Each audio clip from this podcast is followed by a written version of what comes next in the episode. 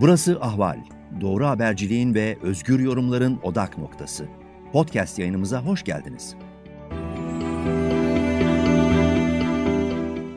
Merhaba sevgili Ahval dinleyicileri. Ben Zülfikar Doğan. Ee, yine e, yeni bir Ankara Rüzgarı'nda bu haftada sizlerle birlikteyim. Ee, bildiğiniz gibi Türkiye gündemindeki gelişmeleri ekonomiden iç politikaya, dış politikaya kadar yaşananları kısmen de perde arkalarını yorumlamaya çalışacağız. Ee, gündemdeki en sıcak konu Amerika Birleşik Devletleri Başkanı Joe Biden'ın ulusal acil durum kararnamesinin süresini Suriye ile ilgili olarak bir yıl daha uzatmak üzere kongreye gönderdiği metinde ve bu metnin ardından yaptığı e, açıklamalarda. Öyle ki e, NATO müttefiki Türkiye'yi Amerika Birleşik Devletleri'nin dış politikası ve ulusal güvenliği için tehdit olarak nitelendirdi Joe Biden. Bunun yanı sıra Suriye'deki tüm olumsuz gelişmelerin sorumlusunun Türkiye olduğunu, Türkiye'nin ayrıca düzenlediği harekatlarla, operasyonlarla da IŞİD'le mücadeleyi sekteye uğrattığını, bu mücadeleye zarar verdiğini iddia etti. Amerika Birleşik Devletleri Başkanı bunun yanı sıra e, Türkiye'nin e, sivilleri de e, tehlikeye attığını e, öne sürdü. Tabii bütün bunlar aslında baktığınız zaman e, yenilir yutulur suçlamalar değil, çok ağır ithamlar. E, ama diğer taraftan iktidar buna karşı e, nasıl bir tavır sergiledi diye baktığımızda e, bir suskunluk, bir sessizlik tavrının belirgin olduğunu görüyoruz. Dışişleri Bakanı Mevlüt Çavuşoğlu Venezuela Dışişleri Bakanı ile görüşmesinden sonra düzenlediği ortak basın toplantısında bir soru üzerine bu konuya değindi. İşte Joe Biden'ın kongreye ve Amerikan halkına yalan söylediğini söyledi. E, gerçekleri saptırıyor dedi. E, madem öyle de öncelikle e, Amerika Birleşik Devletleri Suriye'den çekilsin dedi. Suriye'de en büyük yanlışı yapan kendileri kendi politikalarını düzeltsinler dedi. Ama tabii bütün bunların muhatabı Joe Biden olmasına karşın Joe Biden'ın Türkiye'deki muhatabı bildiğiniz gibi Cumhurbaşkanı Erdoğan, Cumhurbaşkanı Erdoğan'dan bu konuda bir ses çıkmadı. Hatta e, Büyükelçi unvanıyla e, Amerika Birleşik Devletleri Başkanı'nın ulusal güvenlik danışmanıyla da zaman zaman doğrudan görüşmelerde bulunan Cumhurbaşkanlığı Sözcüsü İbrahim Kalın'dan da bu ifadelere bir yorum gelmedi. E, dolayısıyla e, ben bunu şöyle görüyorum. Biliyorsunuz bu ay sonunda 30-31 Ekim'de Roma'da G20 Liderler Zirvesi var. E, Türkiye e, bu zirveye katılacak. E, New York'ta Birleşmiş Milletler Genel Kurulu'nda Cumhurbaşkanı Erdoğan büyük umutlarla e, gitmişti Amerika'ya. Joe Biden'la bir araya gelmeyi ümit ediyordu ama bu gerçekleşmeyince bayağı bir sert tepkiler göstermişti. E, Türkiye ile Amerika ilişkilerinin gidişatının pek hayra alamet olmadığını ifade etmişti. İlk kez daha önceki Amerika Birleşik Devletleri başkanlarıyla hiç yaşamadığı şeyler yaşadığını, Biden'la bir türlü bir anlamda frekanslarının tutmadığını söylemişti. Bunun akabinde Roma G20 zirvesinde Biden ve Erdoğan'ın bir araya gelecekleri açıklandı. Ve dediğim gibi benim kanaatim Cumhurbaşkanı Erdoğan en azından bu görüşmeyi riske atmamak, ortamı daha fazla germemek için Biden'ın bu sözlerine, ifadelerine hatta suçlamalarına diyelim sessiz kalmayı tercih etti. İbrahim Kalın da bir karşılık vermedi. Daha önce de e, Trump'ın gönderdiği ağır hakaretler içeren bir mektup vardı hatırlayacaksınız. O mektuba da Cumhurbaşkanı Erdoğan e, sessiz kalmıştı. Hatta muhalefet çok tepki göstermişti. E, bu mektubu derhal iade edin, Amerika'ya nota verin diye ama Erdoğan e, bunların hiçbirisini yapmadı. E, Joe Biden göreve geldikten sonra uzun bir süre e, Türkiye ile e, temas kurmadı, Erdoğan'la görüşmedi.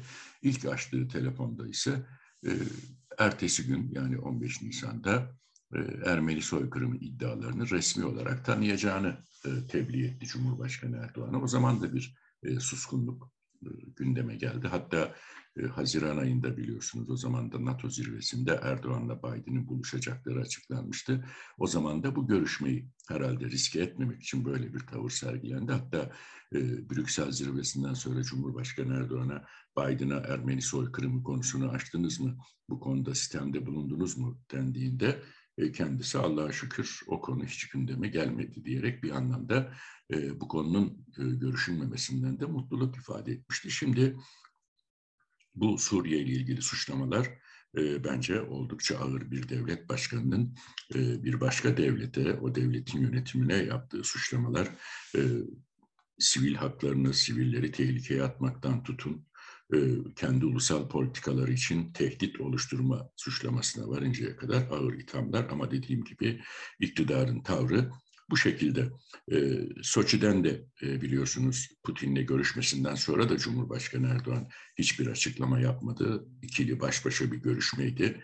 E, ne oldu, ne bitti, ne pazarlıklar yapıldı, hangi güvenceler verildi Rusya'ya. Bütün bunların hiçbirisi bilinmiyor. Dolayısıyla tek kişilik bir dış politika yürütüyor Türkiye ve bunun da zaman zaman işte böyle e, uluslararası açıdan bir ülkenin itibarı saygınlığı açısından e, ağır sonuçları da olabiliyor. Tıpkı Biden'ın bu açıklamalarında dile getirdiği ithamlar gibi. E, yani muhalefetin beklentisi Erdoğan'ın e, buna sert tepki göstermesi hatta gerekirse Roma görüşmesini de iptal etmesi yönünde ancak bu beklentinin gerçekleşme ihtimali oldukça düşük diyebiliriz. Diğer taraftan e, geçtiğimiz hafta ekonomi e, gündemi yoğunluktaydı. Türkiye İstatistik Kurumu Eylül ayı enflasyon rakamlarını açıkladı. Beklendiği gibi enflasyon yükselmeye devam etti. %19,58'e çıktı. Ama e, Merkez Bankası artık biliyorsunuz politika faizi için e, tüketici enflasyonunu değil çekirdek enflasyonu esas alacağını açıklamıştı. E, ama burada da e, bir handikap söz konusu çünkü çekirdek enflasyon da e, yükselmeye devam etti. Yüzde 16,98'e çıktı yani yüzde 17'ye dayandı ve Merkez Bankası'nın politika faizindeki yaptığı bir puanlık indirimle 18'e düşürdüğü faizle çekirdek enflasyon arasında bir puanlık bir fark kaldı. Şimdi Merkez Bankası e, ne yapacak? E, çekirdek enflasyonu esas almaktan da mı vazgeçecek, başka bir strateji mi belirleyecek, başka bir bahane mi üretecek? E, bu tartışılıyor. Tabii hafta içinde Merkez Bankası Başkanı Şahap Kavcıoğlu'nun görevden alınacağı hatta yerine e, yardımcılarından e, birisinin getirileceği yönünde özellikle Reuters gibi, Financial Times gibi e, uluslararası ekonomi yayın organlarında ciddi iddialar ortaya atıldı. Uzun bir sessizlikten sonra e, Cumhurbaşkanlığı İletişim Başkanı Fahrettin Altun e, bir sosyal medya paylaşımı yaparak e, artık Reuters'ın da e, asılsız haberler geçmeye başladığı yönünde biraz da mizah içeren bir ifadede bulundu. Şahap Kavcıoğlu'nun görevden alınmasının söz konusu olmadığını dolaylı şekilde ifade eden bir paylaşımdı bu. Ama tabii e, bazı şeyler vardır ki Türkçe'de hep söylendiği gibi e, şuyu hukukundan beterdir denir. Yani konuşulması, tartışılması gerçekleşmesinden beterdir diye. E, şimdi Merkez Bankası Başkanı Kavcıoğlu için kalacak mı, gidecek mi e, tartışmaları yoğunlaşmış vaziyette. E, her ne kadar görevinin başında olsa da bir de tabii asıl e, büyük bir sınav bekliyor kendisine. 11 Ekim Pazartesi günü e, Merkez Bankası Başkanlığı görevine geldikten 7 ay sonra ilk kez Türkiye Büyük Millet Meclisi Plan ve Bütçe Komisyonu'nda e, bir sunuş yapacak Merkez Bankası Başkanı. E, bu yasa gereği yapılan bir sunuş Meclis Plan Bütçe Komisyonu üyelerine. Tabii bu komisyona e, başka milletvekilleri de katılabilir. Büyük ihtimalle muhalefet vekilleri özellikle komisyon üyeleri e, oldukça sıkıştıracaklar Merkez Bankası Başkanı'nı. Benim e, değerlendirmem burada sergileyeceği performans bir ölçüde e, Cumhurbaşkanı Erdoğan'ın da Şahap Kavcıoğlu ile göreve devam etmesi ya da görevden alması konusunda e, belirleyici bir kriter olacak, bir turnusol kağıdı olacak. Çünkü e, bu sunuş sırasında ortaya çıkacak performans e, bir anlamda Cumhurbaşkanı Erdoğan'ın da hanesine yazılacak. O yüzden Şahap Kavcıoğlu'nu 11 Ekim'de mecliste çok büyük bir e, sınavın beklediğini söyleyebiliriz. Bu hafta ayrıca e, Maliye ve Hazine Bakanlığı e, Eylül ayı bütçe performans verilerini açıklayacak. Bütçe gerçekleşme rakamlarını duyuracak. Çünkü Ağustos ayında e, yaklaşık 41 milyar liralık bir ayda açık vermişti bütçe.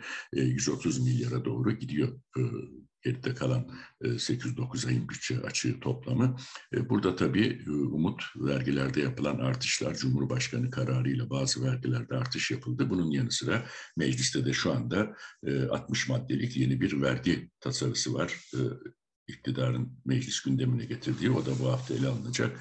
E, dolayısıyla e, önümüzdeki yıl mükellefler açısından oldukça zorlu geçecek gibi görünüyor. Çünkü e, bütçe açıklarını kapatmak, çarkları döndürebilmek için gelire ihtiyaç var ve bunun da tek yolu vergi salmak. Hatta meclise getirilen vergi yasası teklifinde Cumhurbaşkanı'na e, özel tüketim vergisini e, üç katına kadar artırma yetkisi veriyor. Otomobillerde, e, sigarada, e, tütün ürünlerinde bunun gibi yetkiler de var. Cumhurbaşkanı'na verilen anlaşılan 2022 yılında e, Türkiye'de enflasyon, zamlar, faiz artışları, kur artışlarının yanı sıra kaynak bulmak için iktidarın e, çok ciddi vergi artışlarına gittiği bir tabloyu da yaşamak zorunda kalacağız gibi görünüyor. E, buna ilave olarak tabii şunu da vurgulamak lazım. Merkez Bankası'nın piyasa katılımcıları anketinin sonuçları açıklanacak bu hafta Ekim ayı sonuçları. E, biliyorsunuz bu anket daha önce Merkez Bankası Beklenti Anketi adıyla açıklanıyordu. E, her gelen başkan tıpkı Türkiye İstatistik Kurumu'nda olduğu gibi Merkez Bankası'nda da kendi çapında bir takım değişiklikler yapıyor. Şahap Kavcıoğlu'nun yaptığı değişiklikte bu anketin ismini değiştirmek oldu. E, büyük ihtimalle e, bu ankette ortaya çıkacak tabloda e, döviz kurlarında yıl sonu için ve gelecek 12 ay için e, artış beklendiği yönünde sonuçlar karşımıza çıkabilir. Aynı şekilde enflasyonda da e, yükseliş yönünde beklentilerin ağırlıkta olması e, söz konusu olabilir açıklanacak anket sonuçlarında.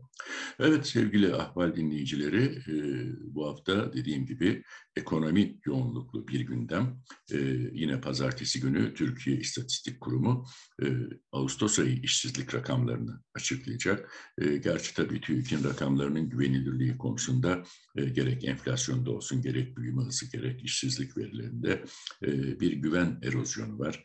E, sürekli her açıkladığı veri tartışılıyor. Temmuz ayında e, işsizliğin yüzde 1,4 arttığını ve yüzde 12'ye yükseldiğini, resmi oranın yüzde 12'ye yükseldiğini açıklamıştı TÜİK. İşsiz sayısı da yarım milyondan fazla artarak, bir ayda yarım milyondan fazla artarak 3 milyon 902 bine e, çıkmıştı. Şimdi Ağustos ayı verileri e, muhtemelen beklentiler o yönde e, bu rakamların daha da yükseldiğini bizlere gösterecek. Çünkü İş ve İşçi Bulma Kurumu'nun e, açıklanan Ağustos rakamlarında e, kayıtlı işsiz sayısı çok ciddi bir şekilde artış gösterdi. Yani iş aramak üzere resmi olarak işkura kayıt yaptıranların sayısında ciddi bir artış var. Eğer kayıtlı işsiz sayısında böyle bir artış söz konusuysa e, muhtemeldir ki resmi işsiz sayısına da bu yansımıştır diye bir yorum yapmak mümkün. O yüzden TÜİK'in e, 11 Ekim pazartesi günü açıklayacağı Ağustos ayı işsizlik verileri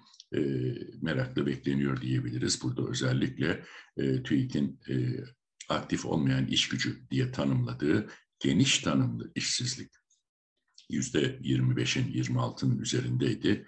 E, bu rakamın yüzde kaça çıkacağı önemli. Çünkü bu e, bir anlamda gerçek işsizlik verisini e, bizlere gösteriyor. O açıdan geniş tanımlı işsizliğin ulaşacağı rakam önemli.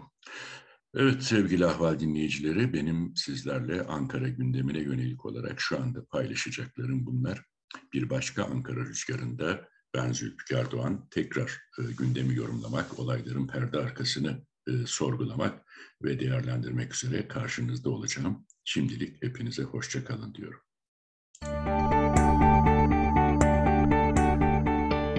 Ahval podcastlerini tüm mobil telefonlarda Spotify, SoundCloud ve Spreaker üzerinden dinleyebilirsiniz. Apple iPhone kullanıcıları bize iTunes üzerinden de ulaşabilir. Türkiye'nin ve hayatın cıvıl cıvıl sesleri Ahval Podcast dizisinde. Kulağınız bizde olsun.